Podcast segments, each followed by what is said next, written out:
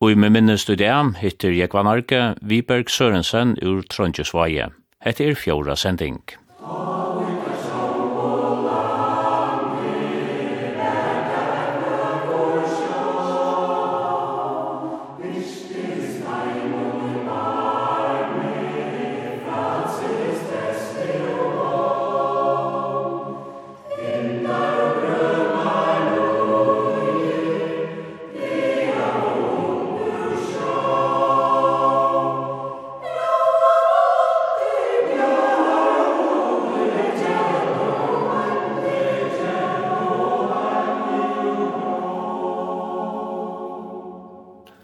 Hvordan var det å være i Vestergrønlandet?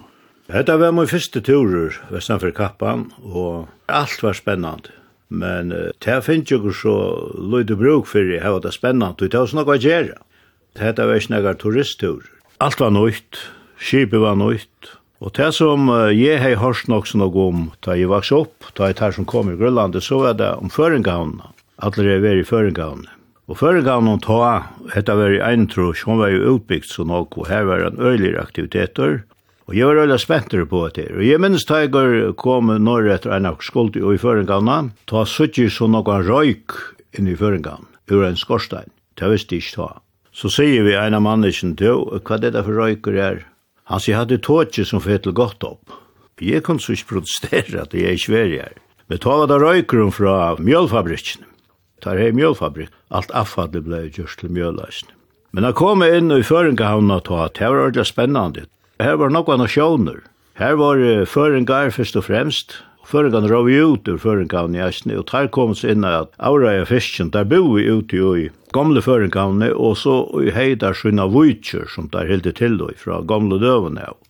Onker boi her av Nordafar. De fleste boi ute som skoron, som der er brukt i Aravois og tar helt så til her.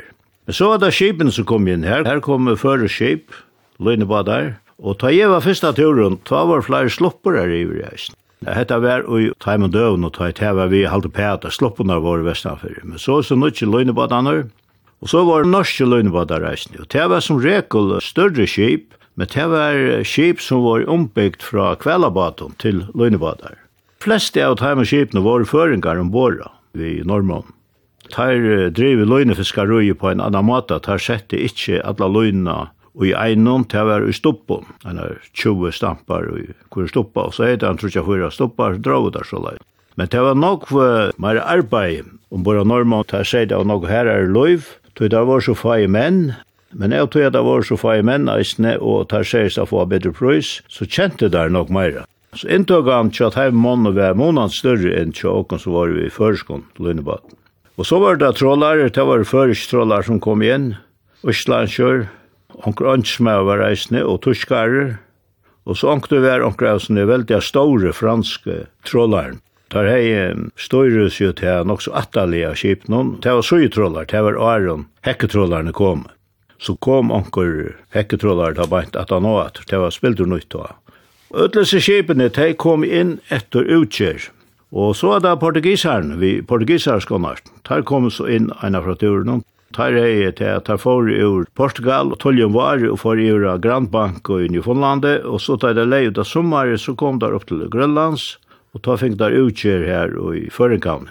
Der brukte St. John's og i Newfoundlandet til utkjørehavn, da det var i her alene jeg var her tatt. Det lå portugiser ofte inne her. Og det var så mye skip som kom til Grønlands, og man sa det så atter og i Føringhavn. De rønte vi og går ofte for dårligere Til ein med hvor hvor jeg bat flatbåtene er, og tar hei det nok mer av vesalut enn Førengar hei det. Ombord til var øyla primitivt, man sa tydelig at det var en øyla moner og tar som bo her framme og tar som bo i atskipnum. Du tar som bo her atter, tar inn ved kurs og i uniform. Det var øyelig hurlevæs her rundt om teir. Og så ble handla i mittel portugisere og føringar og her av kajene. Onker sier at tar gintje og føreskon underkleve kvist. Ver, tog, det heitar handla ikke fram til. Men det må du være øyelig godt å sitte i sin dårjen da du funnet føreskon underkleve.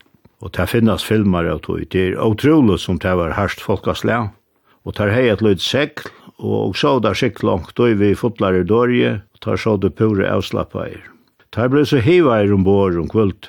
Ta kasta i fisken opp vi som prikkaren, og ta blei talt hva i kvör over hei, altså det var kjoldrøtter. Ta i Sodoria var tom, så blei hon hiva inn, og så blei det sett nir oikost anarka som spanner. Og ta i da virja i turen her iver, så hei der nummer av kvardorie. Det var iver hundra vi omkring kip. Ötla skipen enda så i føringkanne og skulle heva utgjer og her var smia, og her var Norrmennir hei eit så lite, ta kalla det for velferdshuset, og her var biografer, og det var store provianthandel, og smia vi utgjør, altså, øyla størst laker, tog Det måtte være, her var han ikke gjøre, annars enn kjeba det her, det fikk stånd gære stand. Og så var uh, radioversteisen, onker radiomekanikerreisen, tog ta begynte snudje tålene radar og alt det koma, så det var bruk for tog. Og så ikke glemme flegavirket, det var størsta flegavirket som føringar åtte ta, det var i føringar. Og så var det veldig saltsila. Her i kibene finke salt. Og her var særlig ein husavkjengur Ole. Han passa i saltsilna, der var ofte en salt Ole.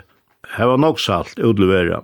Og så kom dampar opp vi, vi salt i eisen. Så alt dette gikk fyrir ikke, og i føringkavne, og i flagavirsen, og utlun utkjørne, og sjåmasheim, alt det var bare føringar. Så det var veldig godt å komme inn og i Føringhavn av en tur i Tøyma Taima Vær. Jeg synes det må vår. For jeg gjennom Sjåmannsheim, jeg sitter ikke kvillene løte og være til å møte her. Og, ja. Men lykke som stykket jeg synes det var. Men det var ikke det som var planer om vi sin tur, og det var å slippe så kjøtt utad som mulig. Hvis skipene var de fleste spilte nødt, og hvis de får inn, etter utkjer i øren så vet jeg vi egnen i hova slipper ut etter så kjøtt som mulig. Og det ble det som gjørst. Det ble ikke livet i kai til åndsje i føringavn. Og og fiskar så, når etter begynte jeg så i hentet turen, ble tikknur ena fra Masan, ta var for innan lea, men eh, det spilte han ble vel av. Pappa dødde jo godt at gråta og, og beklea sina nei, Men og fengi så turen inn og får så til husarat fra Siglaheim. Og så var man gang tann, hetta var sent om heste, så får skipene av Øysfisk under fyrjen, illa under Øsland. Det var man gang tann tjadda de fleste, og da det var i attur, så ble attferja stedet til Grønlands. Men det var nøkker skip som domte bedre ved Newfoundland. Og at heimturen i vår var ofta lagt inn i Øsland i å tega agn, og vi til henta saltfiskatur. Og særlig skipen tja Johansen og Olsen i Klaksvik, det var ofta i Newfoundland. Dette ble lukket som en mannagongt, og pappa var skipar i sin ærne, og jeg vil si at det gikk godt tjogom. Og det var god manning, det var nevnt å få folk ta til løgnebadanar, det var så nøyt alt, og det var helt anna loiv enn det som de kjente til fra de gamle sloppene. Så i tvei trus, ta var godt mot ratteriver, og ta gjør det ikke trusja Så ois fisk om veteren, og så steg etter. Hatt det var manna gongt. Og pappa var kipar jo av godmunde til 1908 trus. Vi hæs her i manna gongt. Ta kjeipur er roi, enn Jol Mortensen stelle Karine som var en fristebater i Klaksvik. Ta kjipet fikk navnet Rasmus Effersø. Skipi hei vært nok til Hemaravai og var byggt faktisk til Hemara. til å si at, at lasten var rymlig stor, så ta i kjip ble fullt av saltfiske, ta var det øyla tungt og øyla vater. Og tar i så evig av Newfoundlandsbanken, og seitene blei til at her får a fiska svarskalva oppe vid Labrador. Og det gikk øyla godt vi tog fiskapene her svarskalva eisne, og det er kommet heim ta vår der nere i Belgien og landa eit. Og så var det ein vanse vi tog i tever etter her at det råpnega for vattenkalva. Han blei så bleitur, det var bare så slopps i øynene, og det blei så vrek. Og vi kvart kunne være nok så fitte av tøy, og det sast ikkje tøy fiskar fisken var feskur og erna blei frister. Ta gekk opp henta matan, men ta vær henta tøyen vi saltfisken av vi ut, og ja, ta minka jeg, og vi grilla til minka i døyla nok. Så tar i og hemar av vei attur vi Rasmus Effersø. Tar brukte til at de kipen ofta, de tok fullt kip av flætje i fyrjon, og sylte så vestur til her norranfyr Boston, og her blei flætje lagt opp, Og så tar jeg til hver i så får del fiskerabatter. Til dømes 1980, ta for klar vi Rasmus Jastev i Fotlandskipet, jeg har flætje, Det ble så landa, og så får det til hemaratt, men det ble så øyla løyd jeg få. Det var det samme vi hemaren, det minka i så øyla nok.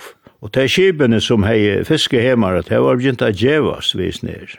Så det var løyd jeg få her, var ni i Fondlandsbank nå, Onkur normen her rundt i Vesterafrika, etter Hemara og Havi, og tar seta så kostna estretter og enda så her Las Palmas og her, og rønte så etter her, etter Hemara. Men det var øyla løyt jeg få, men det var noen annar havor og korta noen som ikke kunne brukast. Det var inne i, jeg halda var Senegal, det var inne i Ångstein i Øysten. Men tar gå oss skarven never. Men inne i Las Palmas, her lå en veldig flåte av japanske skipon som fiska i. Men ta fink onka at ordla samband vi i skipene. Ta sjå bara til at det var flåtløyna der rundt vi, og akkurat kvært og kvært der fiska og kvosset, ta fink det ikke vita. Ja, man er sin til sjål og sættni, og det er håpløst å få samband vi japanar. Du får han ikke vita, og det største forringen er nok at tar du ikke tåse engst. Altså, japanske fiskmenn tar tåse ikke engst. Det er nok så store rasisma i Japan enn i det. Kvitt og mever, han vil ikke virte det samme. Eisen er mittlom fiskemennene. Og jeg også spørste her seitene hvor det stod at tåse engst. Og jeg fikk svære i atter at uh, tar som då at tåse engst til akademikere, til ikke fiskmenn. Men tar fikk så ikke å vite fra hesne mann og kvetar fiskei og kvær. Det var øyelig dolt alt. Og det har nok malet vært det som har vært største forhånd. Det var spett. Jeg finner ikke fætter av tog endan tog så hei nok føreske fiskaber veri oppi uihessen her som tar gjørt. Og verleis vat han er at hesse skipene kjente ein øyla rikva penko. Da gikk dem øyla vel. Tar spreidde ikke om alt vestre Afrika her, og var i eisen iver av flemisk kappleina og lykke ester til åk. Men og visste bare han ikke. Og visste ikke hvordan det arbeide, men det også finnes jeg vidt i det. Og det var øyla spett at man ikke fann det og tog ta. Og hva var det der finke? Det var fisk av tonfisk og det finnes ikke så innlig og i seitene etter. Men hessen turen var en sånn Jorsas tur, der var vekk og tjei måneder, og veien var ikke det store, jeg minns ikke at hundra tons til sammen. Så det var en øyelig tur, og der kom så heimater, og så da til hvert var nu er gjerra. Pappa vant at han ble oppsagt da jeg kom heimater, men det ble han så ikke. Der fiskar jeg så svarskalva, og det var en god veie, som der finnes ikke ta. Men det er funnet jeg eisne vekk, oppe i Tjøgnhold fjersene, og pappa han eldøst. Det kan sies at det var jo snir turen og i Afrika. Det var sikkert det var samband heim, øylaring, jeg vet ikke hvor. Du kunne få et telegram og tjøkken Løngby radio og sånt. Mamma og han hei silverbritlopp, 3. mars. Han er vekka en evighet og det visste ikke ordentlig hver der var i Afrika, og det var slitt samband. Og ta fer hon eit telegram at vera heima til Silverbryll, hun skal hanskar. Hetta var nok så vel punkt til, og det kom panikker i, så måtte man halda brettlopp. Så hørtes ikke køs atter. Det kan ikke nager dager og viker, og hørtes ikke et år atter. Ta det til avisen til er at han er skriva, vera ikke heima, og ikke var datter borster, det var det som var. Så gikk løysen av gongt, og fiskabron gikk, det gikk godt å fiska svarkalva, men så gikk og ærne, og så ble mamma sjuk, så var jeg 8,5 pappa for i land, da vi gynt etter her færre nyer, hun fikk krabba, og det var en ringtøy. Og enda var han at mamma døy, hun var bare fem år gammel. Ta brøttest alt. Altså, bøttene var færne ut her oppe. Det var bare at han yngste bare med Roland, han var rett og tarba i vår i huset, men det rykka i alt så illa. Det var lukka som mamma var borstor, det var ikke det samme. Og pappa ble angat og han sami attur, han får ikke til fiskap attur her i Rasmussen. Så vi gjente han spegla sikla vi onkren at han med starbaten hon, og vær onkren tur vi onkren øre, og så var han heima, men det var så helt ikke hon, han åtte fyra drøntjer her rundt om husene, så han er alltid ångstande i affæra. Men det enda ut er at han uh, selte det gamle husene, og bygde seg en løytelhus på et om av veien her. Og det er alltid vært rett, og det gamle huset, Salom var ferdig urtøy. Så tar jeg var hemma, ta kjett i hans ofta. Og så var han vid åkon som silte. Og jeg minns i Trojefors, ta var jeg åker i Grønland og fiska i Vianite. Og jeg visste han var i Afrika via en starbade. Og jeg visste han skulle fære heim. Og så tar jeg, han akkur heimkom, tar rinji til han. Og spyr jo man ikke bedre han kommer i ut lågen bare. Tog i tøren så kan jeg huska i etter til honom. Jo, jo, han var klar i beina, så Han pakka i omgangande, og takk ikke nagre det så kom han ut vid frøye, frøye var eisen her. Det var stuttla for han om våre etter her, og han trevs dølja vel, og går tvær sin og tjonen, og hjertan sysna på den tar i til saman at løyve, så han var som ordelig heimabanna. Men så gikk ikke Arne, og han fona i bare mer og mer bort og reisne, og han domte han godt at jeg ferast, og han var ofta vi pensjonisten, og han var øyla lett sintur. Og alla ta tøyina og jeva sama vi noen undra ikkje av hvordan rålig han var. Og han sier hvordan det gikk, så var han ikke panikkur. Han hei øyla gava nervar, det var han ikke som kunde beveka han. Så det var nok ved så ikke opp til enda mannen. Men han eldte så, og han var ensam atler, og det gikk, og så ut at det ble ikke betur, så Jon jeg gjør det av at han ble avhjelp, og så skulle han komme om at lågna ågna. Og så i morgen så ringer Anita, dotteren til min, og sier at om jeg har snakket med pappa, nei, det er ikke. Jeg har også galt. Hun er ringt flere, for han sverer ikke. Tar han blir lamma over i her er sjøyene. Jeg får nian og sette båndsen hon. Så tar seg sinter, og jeg sier så vi han at nu kommer du om han, og greit hos om etter her. Han kom om han av Bekvam. Jona tog så mot henne, og det var bare en tvær tøymer ta vestna i lammelse, og han får sjukos, og han lana gradera der sjuksen, og så døy han, 84 år gammal. Det var en øylig saknur sjåk. Øylig av gav og mever av vera sama vi, Østers i omgant i opp, mist i omgant i temarhald av støvun, og han sier hvordan det var, rinken vekk, eller hva det var. Det var det. Nå litt av mamma og han bøy her ute under. Jeg gjør det, og jeg var bare gått minner. Og her enda i tann greinen av Taimon som kom ur Dæli synartøy. Pappa ble den eneste av Taimon som var fiskemøver. Det var så få fiskmenn her og i huskare, men da han var ferdig sikla som kipar, da kom flere i Østen Tamvøy. Da jeg var ferdig ur skolan, og det vi godt måtte vel lykka som kom på plass, jeg gikk boja her, så arbeidde jeg av flagavisen, enn at tog, pappa arbeidde i eisen. Tøy, det skipet skulle komme så kjøtt, og det var bare boje trom. Det var noe å gjøre, flaggavirsen, det var noe utrover, det var det gå i ærene tøy, det var noe hysa her, så. Så kommer det å gå av skip, og færre så sted. Og det var akkurat det her minstret som vi tog seg om, Grønland om sommare, og øysfisk om vetur. Men det var streveløyv, og i tvei trus, ta gjørdig og trutja turar, inntøgan var ikke nega gabbe av. Så jeg var begynt å spekulere på om at det var akkurat det som jeg atlai. Ta i og i åker var ferdig vi Øysfisken og var tru i trus, gjør de av affær nere Svemborg og Sjåmanskola. Og jeg tog som et erenbår, og det enda utøk var fyra som får av Godmund, og enda skolan i Svemborg.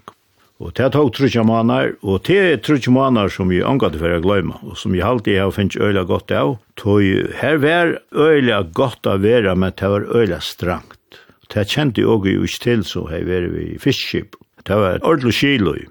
Og jeg minns øyla godt første dagen å komme, så finnes jeg gravita av hvordan og ledes alt det der var.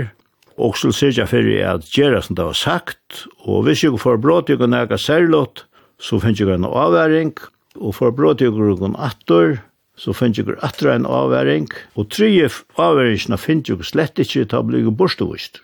Og det ble slett ikke diskutera hver jeg har rett og hver jeg ikke har rett. Hvis læreren sier det, så vet det så.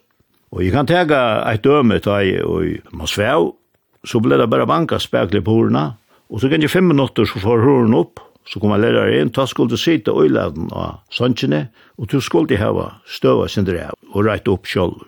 Og så gjør det så slapp seg flisa eike epler med etten ettendel, eller okkur sort. Og så folk til filmleik, og det var herre filmleik. Da jeg var ferdig ut det, skulle jeg grunn til brus, og han kvar edda morgmed. Og læreren kom vi inn i beirummet, i alt av årene fem bruser, rett og rekke, og så sier han fem innundør, og så åpna han ved en stor hånd håndtag i kranen, og så øste øysakalt vatten i. Det var øyelig høyl, og alle låp i undan, det er klart. Så sier jeg, jeg hadde vært kanskje nega voldsomt, en underrøtt. Nei, sier flere, det var ikke underrøtt. Jo, jo, kom nå. Ta fleste for så, en underrøtt, krav navnet. Det var veldig herst. Du var jo ikke venn vi etter. Nån av det var levd tog. Ta som ikke får en underrøtter kan du bare klær seg i. Det gjør det. Nå, så får til morgenmett. Og her skulle du sitte i rad og rekke, altså. Vi båre, og han skulle gjøre noe for stjåren i morgenbøn, og, og så sier han var gang, og så kom du greit, og finnes ikke havra greit. Og jeg minst har nokkur av i København der er aldri løyven et i havra greit. Og der er atle ikke omgang til at et i havra greit. Jeg kunne ikke drømt om å røst ved at. Nei, men til atle er bedre bare sette det til viks. Og så avtykker vanlige morgomat, og så tar jeg til å ferdig, så sier stjåren var gagnest. Og så sier han forresten tykker som ikke av til havra greit, sett ikke nyrat. Jeg tar sett ikke så nyrat, så sier han hvordan lunsje, inntil de grav et i havra greit. Og så var det skola, og morgenen, tar jeg at han nå etter her, gikk i klasser, og i hver frikvarter jeg gikk hei, ta kont han lærer som er vært nere i brusene, og peika i seg her ut som ikke ville være under brusene, at her skulle komme vi, Så tar var under kaldare bruse flere for om dagen, ta første dagen, hver frikvarter. Det ble omgant i nokta atter affære under brus, og det ble omgant i nekare sier han ikke at havra greit atter.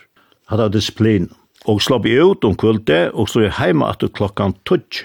Det var nok så tullig over heima, og grilde går vaksne menn.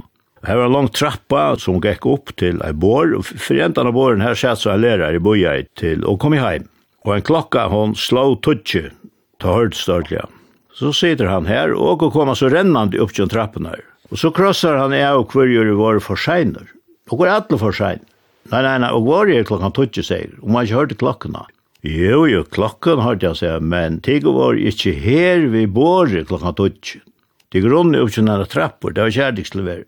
Og tar som var for sent, det finnes jo et eller annet nottavakt, en tøyma, eller flisene rikva av eplon, et eller annet til straff. Så leis ble vi govanter her, og henta disiplinen å møte opp, og halda seg til det som man skal, det var oalmyndelig godt. Og jeg halda sider og i merken som er enn, heter her, ikke å være for seiner. Det var trutje gode manar og almindelig gode manar. Så kjem Gottmundur nyer Alanta. Ta akkurat det åker ferdig. Mamma og vi, det var ofta kona for ny vi at ta i kipen for nyer Alanta.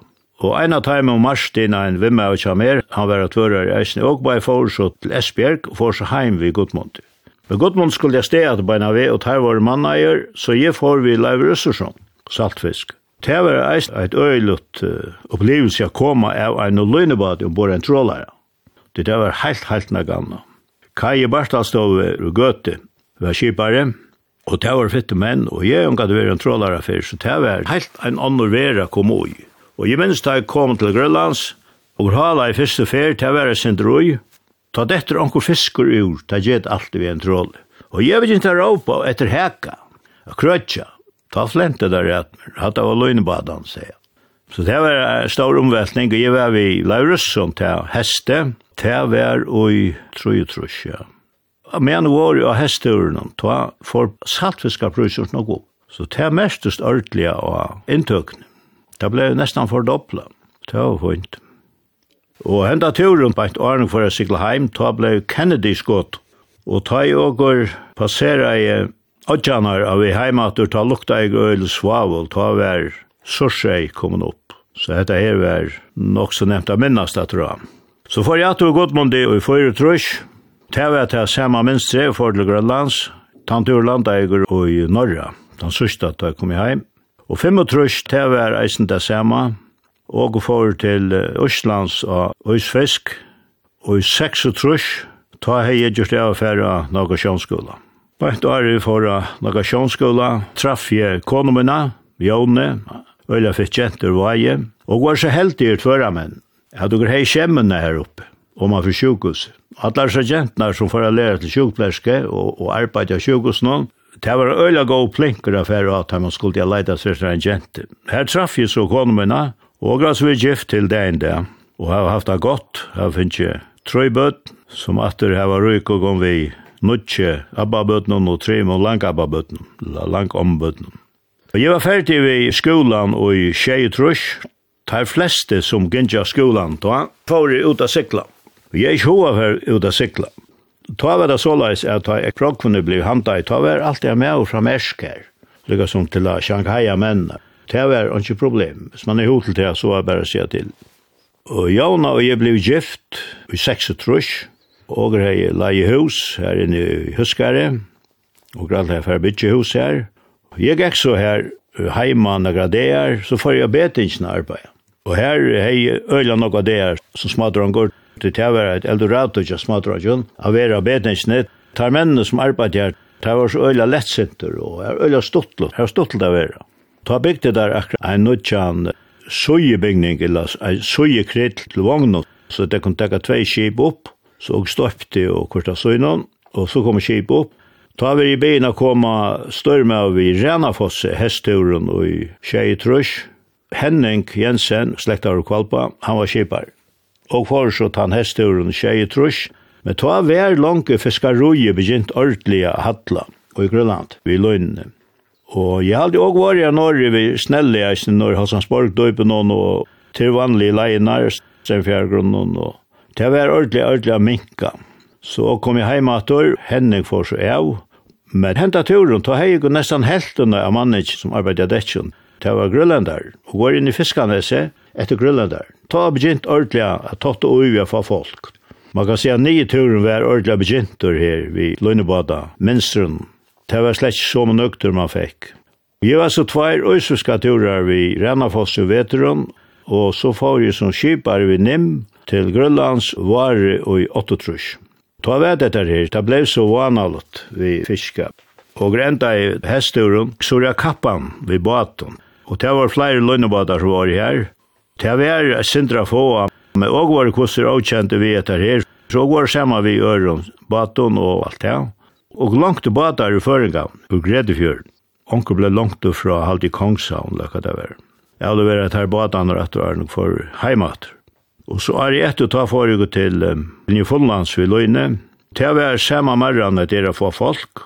Tog uh, inntøkene var så løytol, og til å være så strutje å få alt det gang opp ta. Så da jeg kom hjem etter, og jeg nødde trus, ta seg opp, tog jeg sa at dette her var rivesteg. Så morsen var reiere. Han døde godt av suttje til reisene, dette får jeg ikke bare til.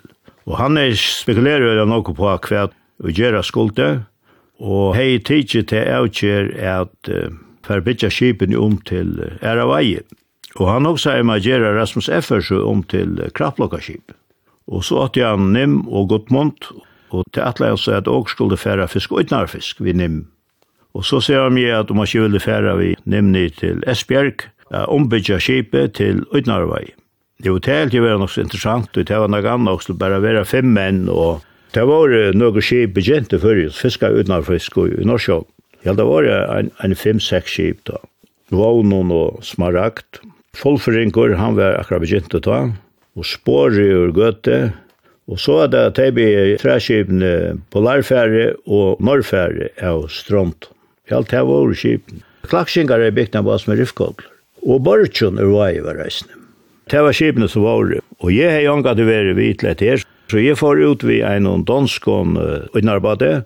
Den skjul kjente reieren, det var en fra de gamle Snorvåstøyen. Han platt jeg var inn i tvører, han åtte kjip sjålvor. Og jeg får seg ut vi i snø kjipen, det var et stalskjip, det lastet i hundre og trus tons. Og så skulle jeg hitja hos Tarborgsjæt. Og jeg var så vi her en tur. Det var øyla nok ørvesin, alt det som jeg var venner vi. Det var bare fyra menn. Jeg helt av var øyla konservativer, det var det resten.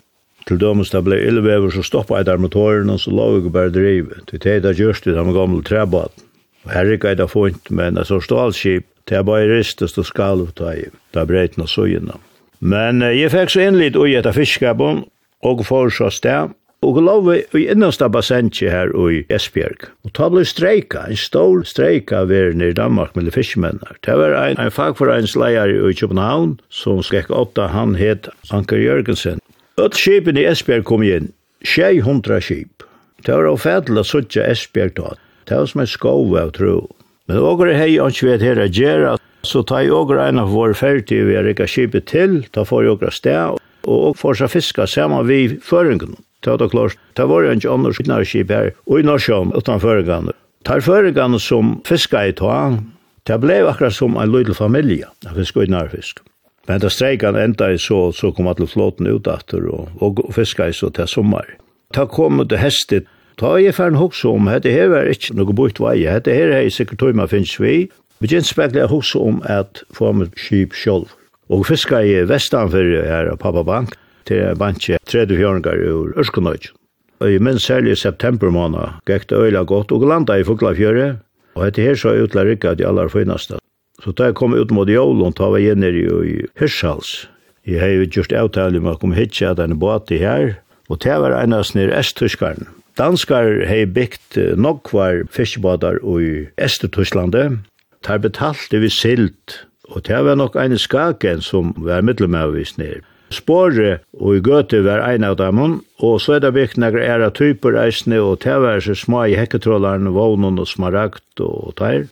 Der kom jeg alle ur Øst-Tysklandet, og der ble så rikka jeg om til Unnarva i Norsjån, og der var en rikve av dem. Og jeg snær som jeg finnes jeg, og han var en minne type. Han tok ikke mer enn hundre, og var fjør til tans, ta var han mer enn tunker, og henne tok jeg en hundre og trus og fjers fjerstans. Jeg gjør så avtale med kjepet av kjepet, og får så nyer ett noen, at han har nødt til å ha Og nem her for Sigur Simonsen ur Fuglafjør. Han får første fyr som kjipar, ta han løst med av ombord nem. Og for så fiskavisene kjipene og norsjøen, og jeg råkna jo tog at dette var akkurat som henne kjipene, løgnebadane, at man kunne fiska lastna fotla, og så kunne man sykla vittu som TV er. Men TV er det bare ikkje. Hette her kjipet bare ikkje lastna. Og det var rymlig obeheilet, og det var vettra det var sikler norsjøen til fyrjar, det var ikkje besta farvatnet. Det skipet var for vanalot til, til fiske norsjon og avreia så langt borster. Så jeg også er nok med for å gjøre noe annet eller eisen selja skip. Men det var noen annet jeg bare nægget det samme som var kommet til førre år. Til dømes var en kommet ut i Nølse som het Kabelsund. Og Kabelsund har eisne fisk etter silt og sånn i Norsjånen, og det hei eisne baten sjåken eisne. Og ble så leia om sommer og ja, det var 22 Ta heima funnet i det at det var vel av svarskjafter rundt han fyrir. Men han gjør det nega vitte. Så her stod han for i gang, leia i Norrland og Kabelsund, og til Persrola vi flottrund. Og så finner frøye ur Gøte, han skulle være av Nåt, ur Vaje var ein av sluttelig hekketrollaren Bjartnøy. Han skulle trolla ensamatler, jeg vet ikke om Laurusser som var vi eisne. Men og ble så leia i hese skipene kvar vi søgnon raskabe, det var godt vever og for så norretter, og det er anka greier av tog som er det, slett anki. Greier, trål, vektor, ikkje lemmer det, og persolei vi kabelsund. Så hon kvar ut, og så er det her, og så var nega nye tog tog i døybenon, og om det var svartkjavtlek, hva det var, det visste jeg ikke. Hvordan skulle jeg få trålen nye her? Det måtte ikke så bare vurdere. Og i helt gamle døven tar gjørt der til for å vite hver trålen var, tar brukte trykantabellene. Og det brukte jeg også, lå og målte vinkelen av veiren for å vita kanskje at du funnet det ut på tammata. Så her var så begynnelsen til at her, men her rikket jeg ikke. Fengi okkot gott hval, og så rikket det slett ikke atter tog. Og anna ikke hver og tråle vær og muntlig fisk. Og og anna i heller ikke om nægra fisk får inn og i tråle, om man så klarer jeg halta tråle nere tog i døypen. Hetta var en byrjan. Jeg plasserer at her byrja i svarskjata veien under førjen. Og jeg minnes godt er at uh, nordmenn er bygd et spildernøyt uh, hevransøkna skip, Johan Jørst, og han kom så stimman til ena for, for bøygon, og jeg snakka i skiparen her, hvor hva det gjør det. Nei, tar målt uh, opp hos nok svarskjafte verden før, ikke hos gjør det. Ja, tar sjå ut, jeg skriva i lotten, og så vurderer jeg der, og så så snakk var kvadrat kvadratfjøringar, og så kunne man få en homing av tog. Det er helt ikke noe om Og det Íslandska herran so var skipa ver eisini onkt her. Og tær hei betre greier, så tja vi. Og trollen og så, teir finn ikke heldre ikki. Men så sier han her, skibaren, han hei en færeværing ombord, om vi vil snakka vi han. Jo, det gjør det så. Ta det gjaldt i Jagstov. Ta var han nok akkurat færen i praktikk som haugranskar. Så er det noe grar så igjen. Men åger enda så at du i Norsjån vi vi Norrland, og gjør det akkurat rønter under fyrjon vi Øysfiskatrollet. Men det var det skipene slett egna i til, og, og fiskar samme fransk kontroller som finnes ikke nok og finnes ikke ikke, og det var det samme tja Kabelsund. Og så hendte det at uh, i 44, da fikk prøyseren av utnærfiske så øyld opp. Han er lige kanskje nere av fjøret i øyld, så han får opp i djungnen, og jeg lyst etter skipet til Søli, ta sista turen og fiska i, ta landa i Hanstalm, og finnes ikke nødvendig øyre for kilo, og det var helt fantastisk, og klokkan 12 om kvöldet til undskriva i sølekontrakt ved skip. Så her enda i det. Danskarne ropte hette Ari Fyralfjers for ulykkesåret. Det er sånn nokkur som får jeg bytja skip, prøysen var færs nokkur opp av fisk. Men så er jeg etter ta tjomsa i prøysen heilt nira 14 år. Ta løsta seg ikkje løysa. Ta blei i bina færa vi Anne T. Hun var skala og skifte motor, Da hun var ferdig, ta var vittla panikker og utnar flott annan, og de fleste kom jo til av røyna. Men ta bær ytla til skipene var ikke rikka til det. Men det gjør så til at flere av teimen skipene kom i angat og utnar vei atter. Ta var til dømes vognon og smaragd og der. Ta var bedre egna til ta veina, og ta er funnet så det at det hette bær til. Og ta byrja i hent her øysiska veian, under fyrjen vi trålar. Og for så vi anteta i var her, og norsk og og her vei noen rar, Det var veldig god var norsjon. Det var godt dreier og det var godt skip til det. Det gikk godt tjogon, så jeg var en bor her til Einefors. Da kjøpte jeg den gamla Sirius, som hei li kajen i at vører lunch. Så forgra rikka han til, og var begynt å fiska om det fyrrjum vi ante etter utenarfisk. Det var et øleskjapp å få til å fungere, og det hei ungen prøva fyrr. Så jeg hadde jo brukt en tvær måneder å finne davisen her vid utenarfisk om det fyrrjum. Men så rykket jeg til lentan, og det rykket jeg godt. Og i ene forsen heste, i minst da pappa hei følst det, alle så god det, blå og nødsjabankan, og ta hei finnes ikke ordentlig gongt, og at det her det har gått fiskarui, ta var han fyrir til havna til en badjasun, tog jeg han er føringar, jeg trus jo er, og alt det der. Og jeg rinns jo til han, jeg tog da gang i havn her, alle så god mela, nei, det var ikke det rette. Jeg sier kom av han av målan, så drønner grunn etter. Det gjør det jo. Da stod han av målan, hoppa i en bår, så får jeg ut at Det han er angat vi er i det reist. Jeg var veldig spent på det. Det er rikka jeg fint. Og da jeg får land av Ante, ta for han så kjipar vi, en av tog. Så han er imot på det hele. Men og for så vis når kipen hun tabla kattla Anita, og trollai under førjen vi lemmon, og så forga jeg eisen, til at han tog inn til menn begynte jeg persåla. Ta var et fiskarroi kom i eisen, når han forfyrjar vetrun til at var fiskalaks. Og det var nok skip, en større flåtes fiskelaksel, det måtte være en 30 skip. Og det skipet var øyla vel egnet til å fiske laks vi, det gjør det jo så. Men øy Trøyfort søkja der etter skipene for til Grønlands a fiska til Flegavis i Grønland ved Troll. Det ble så åker vi Anite og Frøyer som bakalaot, og Lardel og skipar. Det er gjørs av fela når det far, sammen vi Grønlandaren, i alltid av attack. Og Jørmo Vådal var stjåre og i føringa. Så og for ivor og fiskar så ta om heste og i trøyfors. Tar er rau ut i førengavne, vi batunne nok herrans år, men ta vær alt menka så nir i ønske, og det einaste som vera få faktisk ta, det vera er ute i hotten og fiskansbankan. Og går silt i atur fram her av vestkustene, onkud i Soria, navnleisa man fekk nega fiske, men her når vera friare og, og går ofte konflikt i udrabadan. Så det ble ikke så vel og frøyer skulle land inn i førengavne, ja, Men det var det året, og året etter Førefors, det var sørste året i føringar rov ut ur føringene fra landet. Da hadde jeg vært kommet til det at det er løst ikke mer. Men og å fortsette så, da jeg kom hjem at vi fiska laks, det var slett ikke gale, og så tråla jeg om sommer. Fem og først tar for grad per tråla. Ta var akkurat så er feber kom i førjen at for ella laks. Det skulle være lakseælinga av hverjum fjøre, og gjør så jeg fela brøyen og jeg og, og papmoen, kallet det for ketos, det minns. Det var fem og fors, brygget jeg så til, og badgemon Janus, han skulle så være heima og tega seg raus ned. Potli og fiska i vi han hit. Det var nok så stått lot og en ærlinge kom fyrir, det var nok fondur rundt om. Og i minst fyrsta fondet i vera om ærlinge, jeg aner jo ikke om etter, da ble det garantera fyrir at man sett pengar ui, Man kunde inte missa seg pengar. Så sikkert var det her. Og at når tvei år tar at jeg utbetalt, og tar begynt ordentlig at jeg var oss. Så åker hoppa jeg på å hente vognen ned i Ferella, og minst det var at jeg med var hjemme og passa jeg til. Men åker Persåla så om somranar, og var så vi lakse så langt som det har vært det. Det ble så en ballate av som laksen og tog. Særlig Øslandar var ikke glad for at du fiskar laks. Der sier teir åtte laks, og det heter laks som var oppe i avon i Østlande. Men det er helt så pæta eisne, og nå husker jeg at det er sikkert noen lakser jeg finnes. Men det er det at nå er det noen æle lakser blant året på.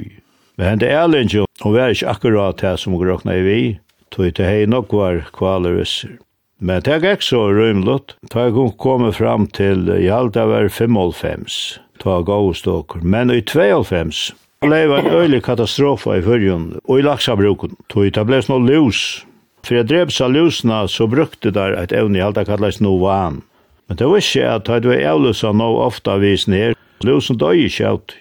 Og så mennes mennesker om heste og i 92, da sier bare ikke min at hever gale og komme og missa atlan fisken, tog jeg etter bare still.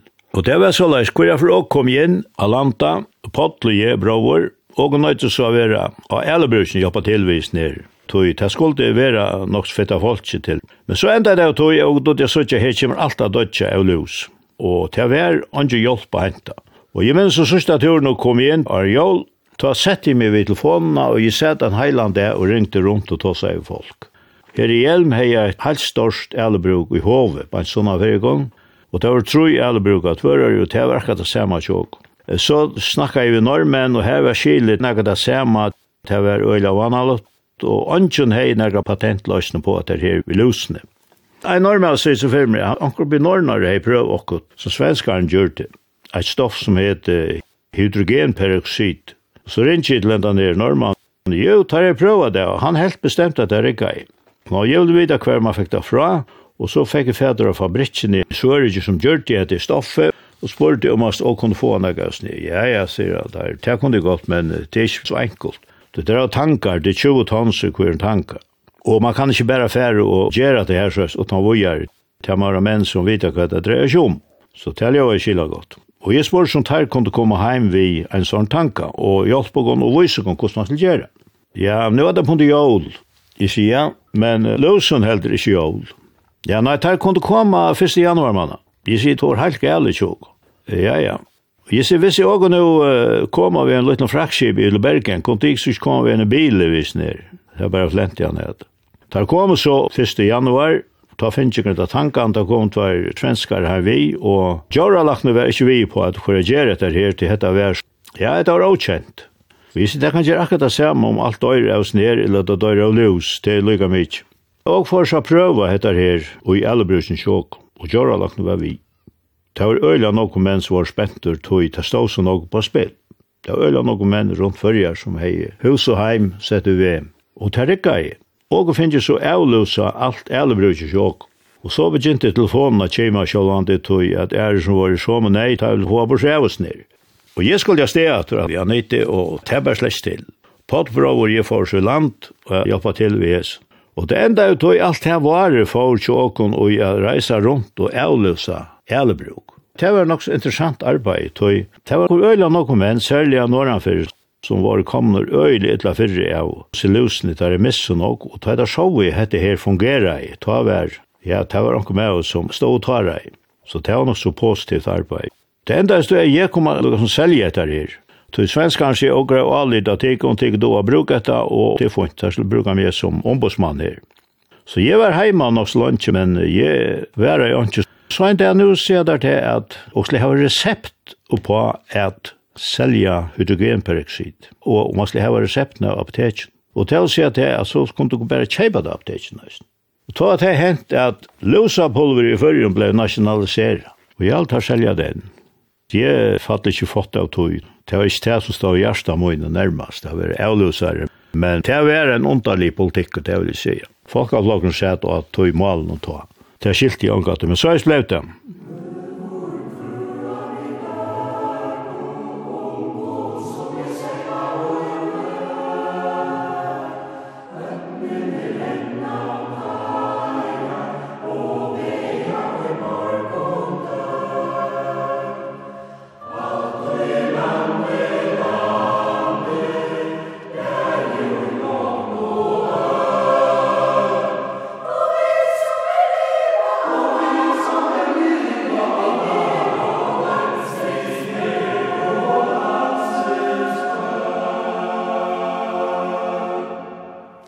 Hatta versendingen med minnist. Jeg var narki hitte Viberg Sørensen ur Trondjesvaje. Hetta var fjóra sending.